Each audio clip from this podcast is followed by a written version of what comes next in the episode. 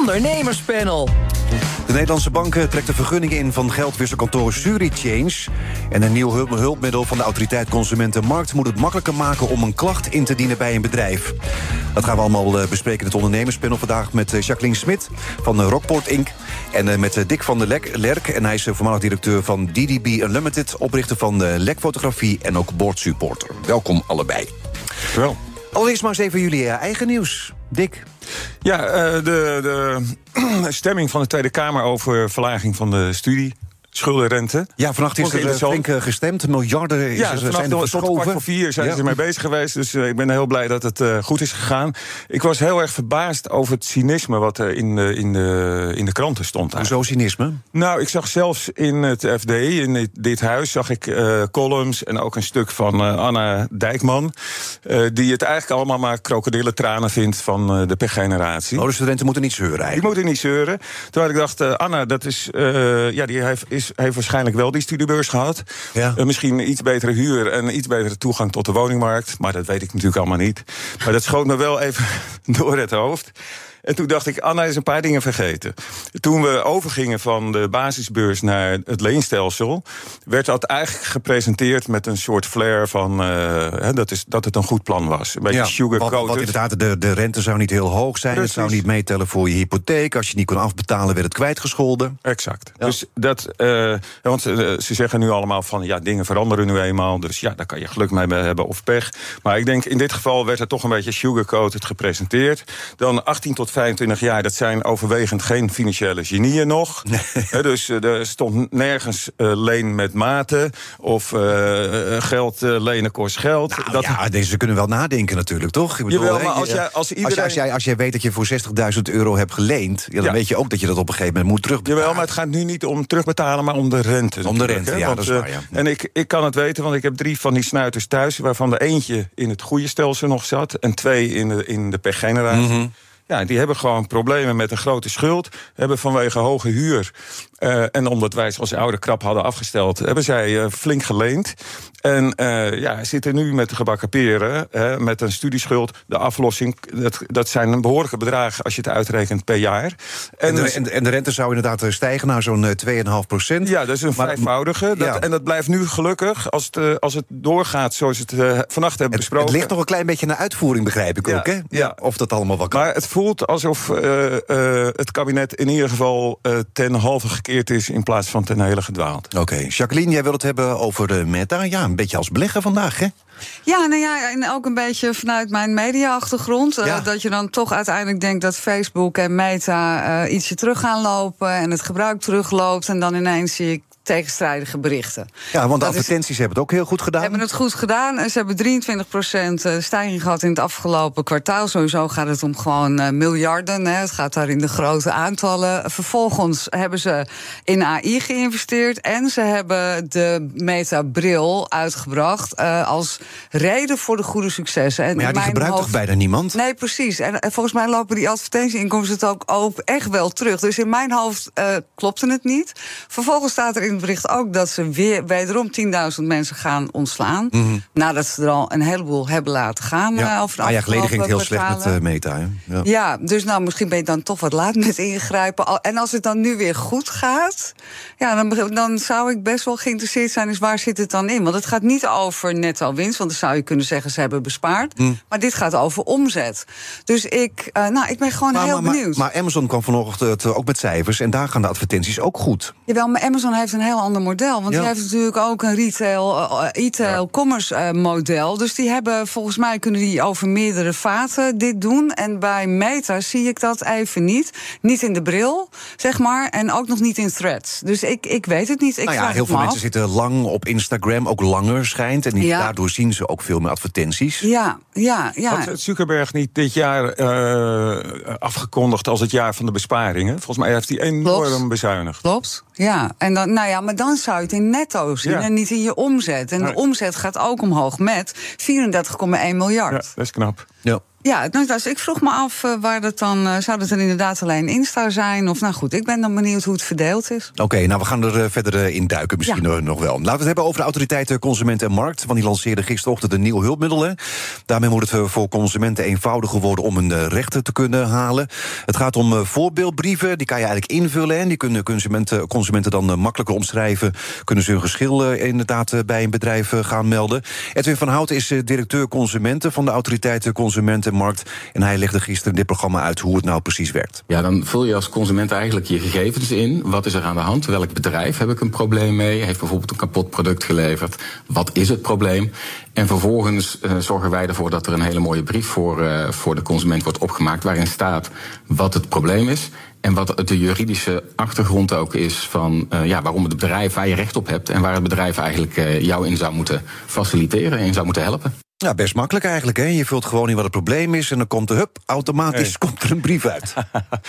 ik dacht dat het al bestond van de Consumentenbond of uh, wat dan ook. Maar goed, ja. uh, ik, mijn gevoel was wel, uh, ik had er wel een positief gevoel bij. in hetzelfde FD stond een column van Jort Kelder over misselijkmakende merken. En dat ging eigenlijk over dat er allerlei bedrijven, zoals Booking, eh, KLM, Uber, mm. dat die maar alles kunnen flikken. En uh, dat je als consument, uh, ondanks de macht van de social media, toch altijd het nakijken hebt. dus, en dan is het eigenlijk heel goed als je heel makkelijk even een brief kunt sturen. als je... Want je, je verzuipt heel snel in een helpdesk met mensen die eigenlijk niet weten wie jij bent. als, je geholpen, als je al kunt bellen met een helpdesk van zo'n groot bedrijf. Mm. Of je zit in één keer met iemand uit India aan de lijn. En eigenlijk word je toch altijd uh, met een kluitje in het riet gestuurd. Ja, dus ik denk dat het goed is. Ik zit af en toe wel eens te kijken. Dan ben ik op zoek naar een telefoonnummer van een bedrijf. Nee, dat is allemaal uh, Maar die kan je, bijna, kan je bijna niet ja, vinden. Daar moet je voor doorgeleerd te hebben. Ja, daar moet je inderdaad voor doorleren. Inderdaad. Dus bedrijven willen dat ook liever niet natuurlijk, dat je contact met ze zoekt. Nee, nee, maar dat is ook, daar heb je dan Google voor. Want als je dan zegt bedrijf voor telefoonnummer, dan kom je er wel. Ja, dat is waar. Maar je moet soms maar, even bezig. Ja, je bent wel even bezig. Maar ze proberen dat zo ver mogelijk weg te stoppen. Omdat dat de dure kosten zijn. Hè? Dus echt contact met echte mensen dat, uh, dat is in kosten vrij oninteressant voor bedrijven. Terwijl je zou zeggen, het heet klantenservice. Mm -hmm. uh, maar dat is dan zeg maar een beetje naar de achtergrond uh, gegaan, denk ik. En ik vroeg me toch een beetje af, jij noemde al de Consumentenbond waarom we dan nog iets extra nodig hebben. Want ik weet, uh, bijvoorbeeld voor Airbnb hebben ze toen op een gegeven moment collectief opgeroepen. omdat ze allerlei servicekosten berekenen die wellicht niet helemaal op zijn plaats zijn. Dan kon je ja. daarvoor aanmelden. Dan doen zij de juridische opvolging. Uh, dus ik, ik begon een beetje af te vragen waarom dan nu de ACM? En dat kon ik ook niet helemaal lezen, want het voelt nou ja, een beetje gedetailleerd. Misschien hebben ze zo meteen ook data kunnen ze verzamelen. En dan kunnen ze misschien ook frauduleuze webshops uh, sneller aanpakken misschien. Als je daar inderdaad steeds. Het is wel een omweg, hè? Denk ik. Truien krijgt met gaten erin. Ja, maar is dat, ja, nou, ik, ik, ik weet het niet. Het voelde voor mij wat klein om je hiermee bezig te houden. En om dan voorbeeldbrieven te faciliteren mm. in een tijd waar we leven, waar alles wel te vinden is, volgens mij. Dus ik, ik vroeg me het een beetje af. Ik het lijkt het mij een beetje overbodig. Voor, ja, het, het, voor mij voelt het als een rol voor de Consumentenbond en niet voor de ACM. Ja, maar ja, op, je kan natuurlijk op heel veel websites kan je al terecht. Hè, klagen, je kan ja? uh, beoordelingen uh, achterlaten wat je vindt uh, van een product. Dus je hebt eigenlijk ook al heel veel mogelijkheden. Kijk, de vraag is wat de ACM aan autoriteit toevoegt aan zo'n brief. Nou ja, zij zeggen dan wel van onze juristen hebben ernaar gekeken. Dus je hebt zometeen een waterdichte juridische brief. Een dossier meteen in ja. handen. ja, ja. Nou, dat vind ik alleen maar goed. Kijk, niet eh, alle consumenten zijn even goed uh, gebekt of kunnen even goed schrijven. Dus ik denk dat het wel goed is dat dat nog uh, makkelijker gemaakt wordt. En ook al is het dubbel met de Consumentenbond, denk ik, ja, elke manier, elke verbetering is een, uh, een stapje in de goede richting tegen mm. de grote reuzen. Ja. Waar we steeds minder vat op zien te krijgen. Maar zullen bedrijven hier inderdaad voor onder de indruk zijn? Als ze dan zo'n brief krijgen, denken ze van: oh, die heeft ook de invulhulp van de ACM ingevuld. Nou, ik denk als, als ze ergens voelen dat die ACM erachter zit, dat je misschien wel ietsje serieuzer neemt uh, dan, dan als dat niet zo is. Als je hem op Google hebt gevonden, de brief om mm. iets op te zeggen of om ergens te klagen. Uh, dus wat dat betreft kan ik me dat wel voorstellen. Maar ik vraag me af of de brief via de consument nu de route is. Of dat zij geen andere manieren hebben om grotere bedrijven aan te pakken. Als ACM zijn. Als ACM zijn. Ja. Als dat juridisch dus blijkbaar een grond heeft om er iets Precies. over te schrijven. Kijk, waar, dus, waar, waar uh, bedrijven echt een hekel aan hebben, is als het in de publiciteit komt. Hè. Als bij de reclamecode iets wordt ingediend en toegewezen de, en de, de uh, beklaagde uh, doet het nog een keer, mm. dan gaat het een keertje gepubliceerd worden. Ja, want dan inderdaad, en dan heb je echt wel uh, effect. Daar, daar, daar, heb je wel effect. Maar inderdaad, via social media, ik zei het al, je hebt Trustpilot en zo, TripAdvisor, kan je ook al terecht met reviews ja. en zo. Zijn bedrijven daar nog, nog van onder de indruk? Nou, ik heb het idee dat het wat afneemt. Ik had vroeger nog wel eens dat als ik me echt genaaid voelde ergens door. Dan, dacht je van, ik ga nu een review schrijven? Nou, ja. Nee, dan schrijf ik een, een berichtje op Twitter. En dan weet, weet Wordt je, opgelost. Werd je ja. meteen apart ja, genomen, weet je wel, want dat mocht niemand zien. Maar dan werd het wel sneller opgelost. Ik heb het idee dat ze nu minder onder de indruk zijn. Nou, misschien dat er ook wel vaak mee gedreigd wordt, hè, dat mensen ontevreden zijn. En dat ze zeggen van, nou, ik ga zo meteen even op Twitter posten of op Instagram. Om uh, toch iets voor elkaar te krijgen. Ja, en ik denk misschien ook wel vanaf het moment dat uh, blijkt dat uh, al die uh, reviews ook wel gekocht kunnen worden. En dat ontzettend veel mensen ergens vijf sterren als heel snel achter elkaar aan het intikken zijn. Ja. dat het belang en, en, en het feit dat jij met je ene negatieve probeert daar nog tussen te komen, dat het algoritme ook iets doet, zeg maar. Dus ik, ik denk dat daar ook nog een effect in zit. Ja, maar de Volkskrant die kopte vier weken geleden nog. de klant is naast koning nu ook criticus. De consumenten, heeft de consument dan met het komst van internet meer macht gekregen? Of inderdaad die macht nu ook alweer een beetje aan het teruglopen... omdat bedrijven misschien niet zo heel erg meer onder de indruk zijn? Nou, kijk, er zijn natuurlijk heel, hele grote dingen gebeurd... onder druk van het grote publiek op het moment dat een, eh, een adverteerder iets verkeerds heeft gedaan eh, op gebied van diversiteit, of eh, je, je, je bent al veroordeeld en, en, en op de elektrisch, elektrische stoel omgebracht voordat je met je ogen knippert. Dus ik denk dat in die zin heeft de consument heel veel macht. Maar dat zijn vaak grotere onderwerpen en het gaat niet over jouw individuele geval. Mm. Uh, dus ik, heb, uh, ik denk dat dit met name gaat over mensen die een slechte deal hebben gedaan, die iets hebben, iets hebben gekocht, maar niet nou ja, gekregen. Mensen, mensen klagen misschien ook heel snel. Bol.com heeft op uh, Trustpilot van ruim 38.000 mensen gemiddeld twee sterren gekregen. Ja, ligt het bizar. Ja, ik bedoel, ik heb ook even naar de BNR-reviews gekeken. Daar kreeg BNR een aantal maanden geleden een één ster review, omdat de BNR de programmagids zou hebben afgeschaft. Ja. En dat was voor de recensent helaas de reden ja. om niet meer te luisteren. Nou, over het algemeen, en dat is denk ik volgens mij al heel lang aangegeven, uh, zijn het mensen die heel veel tijd hebben. die dit soort dingen doen. Die ook klagen over de kleur van het jasje van de tv-presentator ja, of zoiets. Mensen dus maken zich overal druk. maken zich overal druk over. Dus ik denk dat je ook nog even dat moet scheiden. Zaken doen. Edwin Mooibroek. We zitten midden in het ondernemerspanel vandaag met eh, Jacqueline Smit en eh, Dick van der Lek. Ja, de Nederlandse Bank heeft de vergunningen van het geldwisselkantoor Surichange ingetrokken. Het bedrijf is volgens het Openbaar Ministerie al lange tijd eh, onderwerp van een strafrechtelijk onderzoek. En officier van Justitie Niels Huisman die vertelde eerder dit jaar in Nieuwsuur waar het bedrijf van wordt verdacht. Na zo'n anderhalf jaar onderzoek valt de politie verschillende kantoren van Surichange binnen. Nou, dit onderzoek richt zich op de verdenking dat uh, meerdere personen en de onderneming zelf zich bezig hebben gehouden met witwassen, met ondergronds bankieren en het overtreden van de wet ter voorkoming van witwassen en financiering terrorisme. Ja, als je dit zo hoort, het intrekken van die vergunningen kwam niet echt uit de lucht vallen, hè? Uh, nee, nee. Ik, ik had zelfs het idee dat het een beetje laat was. Ja, want de DNB legde het bedrijf in 2014 ook al een boete op hè, vanwege witwaspraktijken. 2017 vond er een inval plaats. In 2019 zegde ABN AMRO de bankrekening op. En nu dus in 2023 is de vergunning stopgezet eh, door DNB. Waarom zou het zo lang geduurd hebben? Ja, misschien gebeurt hier het omgekeerde als net bij het klagen op individueel niveau en de grotere vissen. Dat we nu gaan kijken op, op, op individueel niveau of mensen daar wel of niet uh, uh, met hypotheken en witwassen. En volgens mij, volgens mij is de weet het, uh, leasemaatschappijen, automobielbranche hebben allemaal een ster achter hun naam, worden extra onderzocht. En dat deze dan een beetje in de vergetelheid raken of zo. Ik weet het niet. Want het lijkt me als je het leest vrij duidelijk. Nou, dat was inderdaad dat een wisselkantoor. Ja, ja, je kon daarmee ja. geld naar het buitenland sturen, Precies. maar je kan inderdaad ook eh, valuta omwisselen. Dat is natuurlijk allemaal cash. Ja. Ja. En dat is natuurlijk. Ja, als het bij, ja. ja. Ja, ik dacht eerst van misschien heeft de politie wel gedacht, want die deed daar ook zaken als de buitenlandse valuta in beslag ja, die, die genomen. gebruikten ze dan om inderdaad om te wisselen naar euro's. daardoor ja. naar euro's uh, gewisseld. En misschien heeft de politie wel gedacht, uh, keep your enemies close. Hè, ja, zou dat het zijn? Ik heb geen idee, maar ik vond het wel heel gek. Uh, of misschien vonden ze het wel heel onpraktisch om het bedrijf waar ze best wel afhankelijk van waren, om die valuta om te wisselen. Nou ja, ze, ze hebben toen een inval gedaan, toen hebben ze tijdelijk stopgezet. Ja. In 2017 konden ze geen strafbare feiten vinden. Toen zijn ze later zijn ze gewoon weer doorgegaan. Ja. Maar ja, banken moeten, ja, banken moeten ook allemaal dingen uh, invullen vanwege de witwascontroles. En die moeten weten wie hun klanten zijn. Ja. Dit bedrijf viel onder diezelfde regeling. Ja, dat is wat ik net bedoelde eigenlijk. Dus als je gewoon de, de kleinere bedrijven hebben hier best last van hè, om een aantal dingen wel of niet gedaan te krijgen in kredietfaciliteiten of wat ze ook nodig hebben.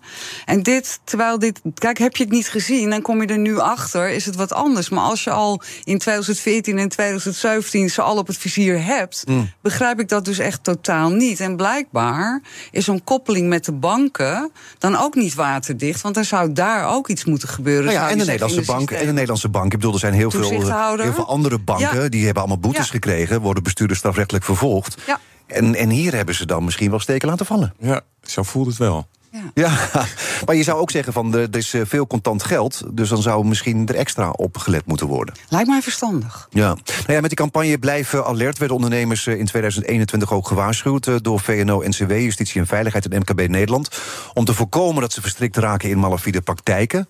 Helpen dan dat soort uh, campagnes om ondernemers dan toch een beetje te waarschuwen dat ze niet aan allemaal loesje praktijken terechtkomen? Ja, ik ken die campagnes niet. Maar ja, uh, dan zou je eigenlijk de campagne moeten kijken, bekijken om, om te beoordelen of die werkelijk overtuigend is. Ik denk wel dat, ja, dat ondernemers die zijn met de, de, de druk van vandaag uh, bezig. En die kunnen best wel een reminder gebruiken op dit vlak. Ja, want inderdaad, bij, bij, bij dit bedrijf, ik bedoel, er zijn nog explosies geweest bij allemaal uh, filialen ook. Dat ging jarenlang door. Ja, is het iets makkelijker om alert te blijven, denk ik. Als je, als, als, dat is wel redelijk duidelijk. Een drastische wake-up call. call. Nee, maar ik denk wel dat, dat inderdaad met alles waar ze mee bezig zijn... en alle nieuwe wetten die ingevoerd worden... waar ze ondernemers zich aan moeten voldoen... is het goed als ze ergens geholpen worden van... joh, blijf daar ook bewust van. En dat er af en toe van die reminder communicatie is... ja, het lijkt me op zich goed. Of het heel erg helpt, weet ik niet, maar... Uh, het helpt allemaal een beetje. Nou, zometeen gaan we verder met het ondernemerspanel... en dan gaat het over de opkomst van Nederland als wijnland. Panel. We zitten midden in het ondernemerspanel vandaag met eh, Jacqueline Smit van eh, Rockport Inc... en Dick van der Lek, voormalig directeur van DDB Unlimited... en oprichter van Lek Fotografie en Boardsupporter. Het aantal Nederlandse wijnproducenten is de afgelopen vijf jaar flink gestegen... blijkt uit de cijfers van de Kamer van Koophandel. Kennen jullie Nederlandse wijnen? Nou, niet bij naam, maar ik, ja, zeker. Ik ben wel eens op een uh, château in Zuid-Limburg geweest. En daar was helemaal niks mis mee. Daar was niks mis mee. Jacqueline, jij? Nee, ik ken het niet. Maar misschien wel zonder dat ik het weet, hè? ja, dat, is waar. Je weet natuurlijk niet elke wijn wat het is en waar het vandaan komt en uh, dat soort dingen. Nou ja, Nederland uh, telt nu bijna 200 wijnproducenten, 40% meer dan vijf jaar geleden. Waarom zou die branche zo'n opkomst zijn, denken jullie? Ja, kijk, het is, nog, het is een miljoen liter, geloof ik. Hè? Dus uh, je hebt al snel een, een groei van 50 of 100 procent te pakken. Maar het is nog steeds klein bier of klein wijn eigenlijk in dit geval. Ja. Maar ja, ik denk dat, uh, dat uh, lokaal is in. dus net als bij de bieren, ook door corona werd lokaal in één keer in. Ze hebben een beetje de, de, de klimaatverandering mee. Mm net even ietsjes warmer en uh, ietsjes meer zon. Dus ik denk dat de hoop, ook op de op middellange termijn, dat die gegroeid is. Dat je hier in kunt stappen en dat het wel eens naar je toe kan uh, groeien. Ja, we zijn natuurlijk van oudsher eh, geen traditioneel wijnland. In het tv-programma Goedemorgen Nederland werd gisteren het imago van Nederlandse wijnen besproken. Ze hebben niet zo goed imago, hè? Dat toch, vind ik, de Nederlandse wijnen. Het gaat wel beter hoor. Ja, het Recent kreeg ik een fles wijn uit Zeeland. En die is echt zo goed. Die wordt ook inmiddels bij de business class KLM geschonken. Dus oh ja? Echt gaaf qua ondernemerschap. Dat, ja. Ik bedoel, klimaatverandering is naar, maar dit is dan wel weer een... Een positief iets van de klimaatverandering, ja. Ze hebben eigenlijk wel te wachten op een Chardonnay eh, uit Venlo... of een Riesling uit uh, Venray. Nou, ik zat me voor te stellen dat volgens mij heeft wijn ook gewoon heel veel beleving om zich heen, toch? Ik denk toch uiteindelijk aan Frankrijk en Italië en er hoort daar iets bij. Dus op merkniveau, zeg maar, even zou ik denken. Er gebeurt bij mij iets anders als je zegt Nederlandse wijn. Maar dan denk je eigenlijk bij voorbaat van het is vast niet nou, ja, ik weet het niet. Ik mis dat hele, dat hele ja, hoe moet ik zeggen, de afkomst en de merkkracht en wat minder. Ja, ik weet niet. Dus, en misschien is dat over drie, vier jaar anders. Mm maar ik, voor mij mist er iets als, als je zegt, uh, dit kijk maar van dat heb ja, ik nee, nee, nee, niet. Maar misschien niet uit Nederland te komen, is in jouw idee. Ja, dat. Ja. Hey, kijk, eh, als je, dat lokale is wel in, maar bij een bier voelt het inderdaad anders dan bij een wijn. Want bij bier denk je meer, misschien aan een uh, obscure abdij of weet ik veel. Dus dat kan nog dichtbij zijn. Terwijl wijn, dat is wel, ja, dat is ook mondiaal. En, uh, dus ik begrijp wel wat je zegt. Tegelijkertijd, er hoeven maar een paar kenners en, en die weinig goed te beoordelen.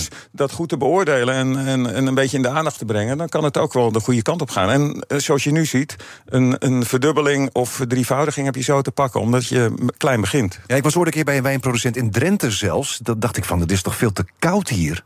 Ja, dat zou je denken. Maar je zou ook kunnen zeggen, want volgens mij duurt het wel jaren voordat je dat goed hebt. Hè? Voordat je een goede wijn hebt.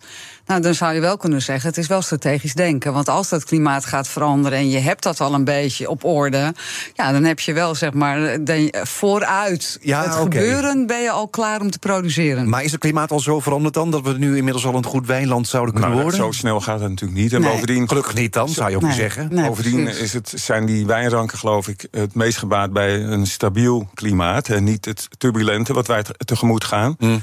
Uh, maar ik begreep ook dat uh, met name de witte wijnen in een koele klimaat heel goed gedijen. Dus ik denk dat wij om die reden ook veel wit produceren en nog hm. relatief veel ro eh, weinig rood. Nou ja, veel komt natuurlijk uit Frankrijk. Maar ja, de champagneboeren daar die zeggen al dat de smaak van de champagne wordt aangetast. Omdat natuurlijk daar ook het klimaat verandert. Ja, klinkt wel als een luxe probleem op een of andere manier. Maar... Van de champagne bedoel je? Zo van nou, als er geen ergere dingen zijn.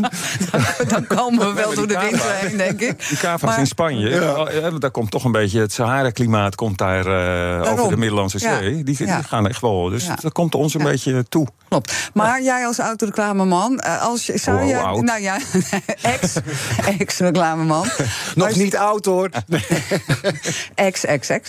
Maar zou je kunnen voorstellen dat je een Nederlandse wijn dus toch zo'n imago zou kunnen geven zoals Franse en Italiaanse en Spaanse wijnen hebben? Ja, nou, niet van het ene op het andere moment natuurlijk. Ja, want hoe kun je nogmaals, als je daar een goede uh, anchorman of uh, uh, een, een, hele goede influencer voor, voor zou nou, heeft natuurlijk wel gelijk. En dat exotische verdwijnt wel een beetje.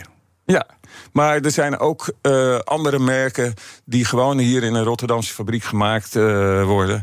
En uh, waar we een heel Italiaans aura omheen hebben gebouwd mm. in, in advertising. Dus dat moet, met wijnen moet dat ook echt wel kunnen. Maar dat, uh, gaat om de verbeelding natuurlijk. Hè? Dat, de verbeelding, daar zijn we goed in. Maar dat moet je wel een beetje. Moet je wel een paar jaar de tijd voor geven. Een beetje rijpen, zeg Ja, want naast die professionele wijnbouwers zijn er ook een hoop hobbyisten. In 2021 waren dat er nog ruim 600.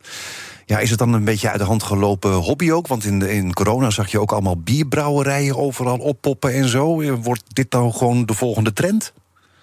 Ja, ik denk dat uh, wat Jacqueline zegt, uh, dat het, het, het, ontbreken van de romantiek, uh, dat wordt alleen maar erg als ik daar een hobbyist in zijn kelder van zijn door, doorzoonwoning aan het werk En misschien wel toch een beetje wat vergif zit te brouwen of zo. Dat toch? zijn hele andere liefhebbers. ja. Nee, hobbyisten, dat zou je niet aan beginnen. Nee, nee. maar sommige van die, van, die, van die bierbrouwerijen, van die hobbyisten, die zijn natuurlijk wel gewoon doorgegroeid, hè?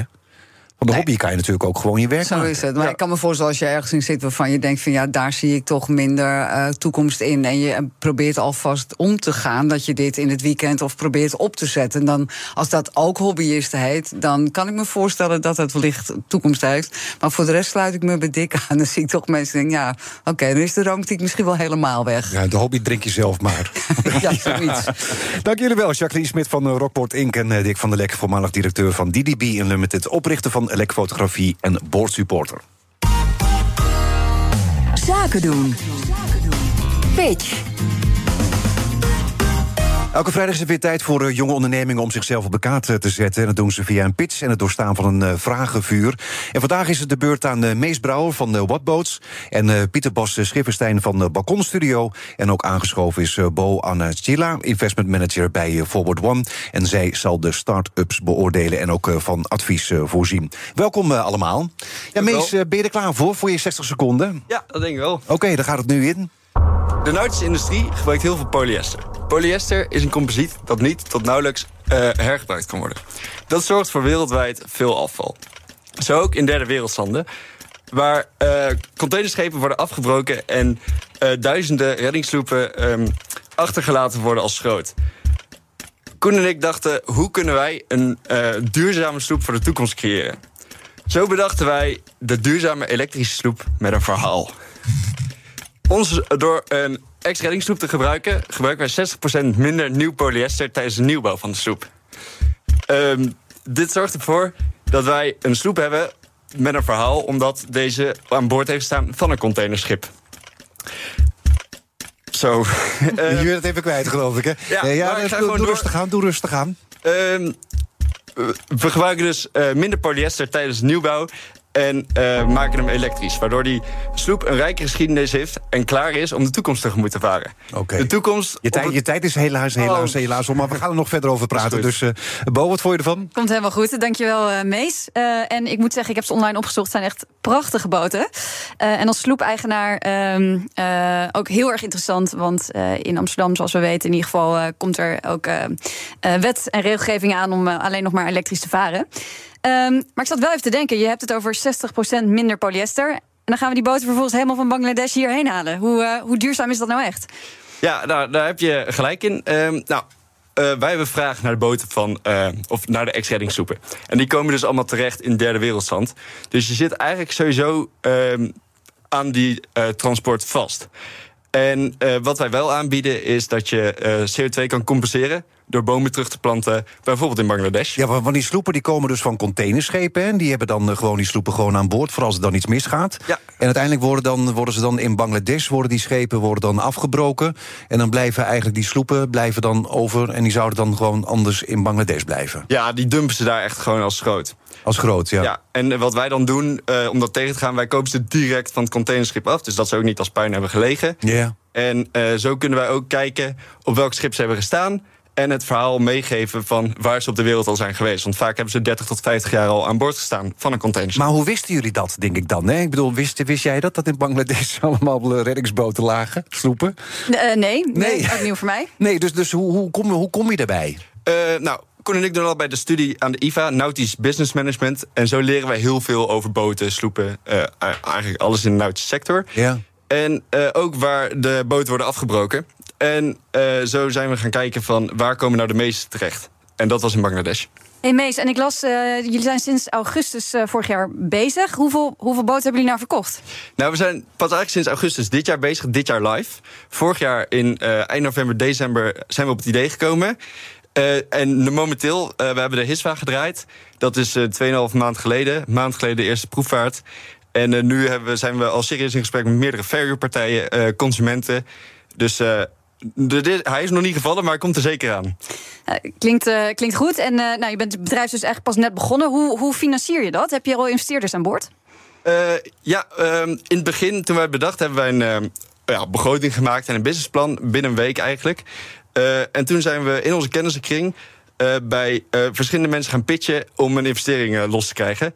En uh, dat was vrij snel gelukt, want uh, mensen geloofden erin en wij ook. Dus toen zijn we van start gegaan. Ja, maar je hebt natuurlijk best wel veel geld nodig. Hè? Ik bedoel, je moet eerst die reddingsboten moet je daar kopen in Bangladesh. En dan moet je ze ook weer naar Nederland krijgen ook. Dus ja. niet goedkoop waarschijnlijk. Nee, klopt. Er is best wel een forse investering bij komen kijken. We zijn erheen moeten vliegen, een website bouwen. Mm. En natuurlijk de boot bouwen met alle techniek die erin gaat. dus, Want hoe hou je nou toezicht? Want ze worden eerst, geloof ik, in Bangladesh worden ze eerst nog een beetje in elkaar gezet, hè? Ja, klopt. Maar hoe hou je nou het toezicht dan? Want jullie zitten hier.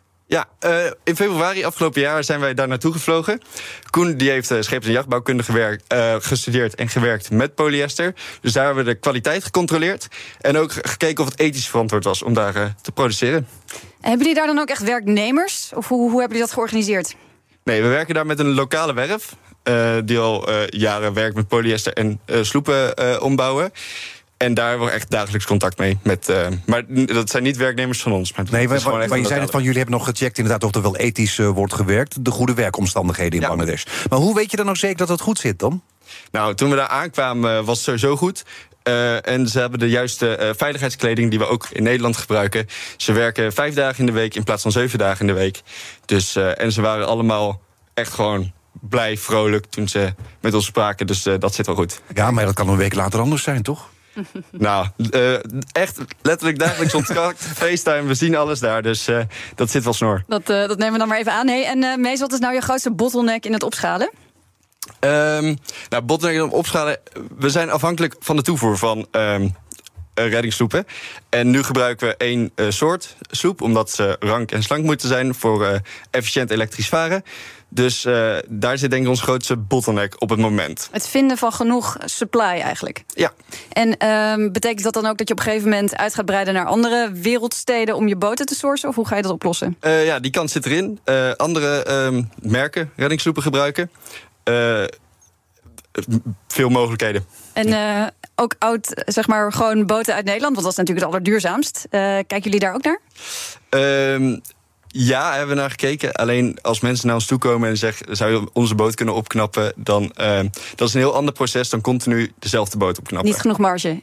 Uh, nou, niet per se niet genoeg marge, dan komt hij gewoon op een andere prijs in de markt. Ja, maar jullie hebben inderdaad uh, twee uh, modellen. Nou, hoe duur zijn ze? Ons model gaat vanaf 49.950 euro in de BTW. het andere model vanaf 51.950 euro in de BTW. En daarmee kun je zes uur lang op de plassen varen en tot wel 11 uur over de grachten. En waarom is het ene model duurder dan het andere? Dat komt door in, de, in de neus van de boot zit een zonnebed. Extra opslagruimte, daar zit meer uren, meer, meer uh, hoe heet het, materiaal in. Dus vandaar dat het duurder is. Maar ja, er zijn wel elektrische boten die goedkoper zijn. Hè? Ik bedoel, wat is dan, waarom zou ik dan mijn bootje bij jullie kopen? Nou, wij zijn een polyestersloep. en het is een duurzame sloep. Onze sloep heeft een verhaal.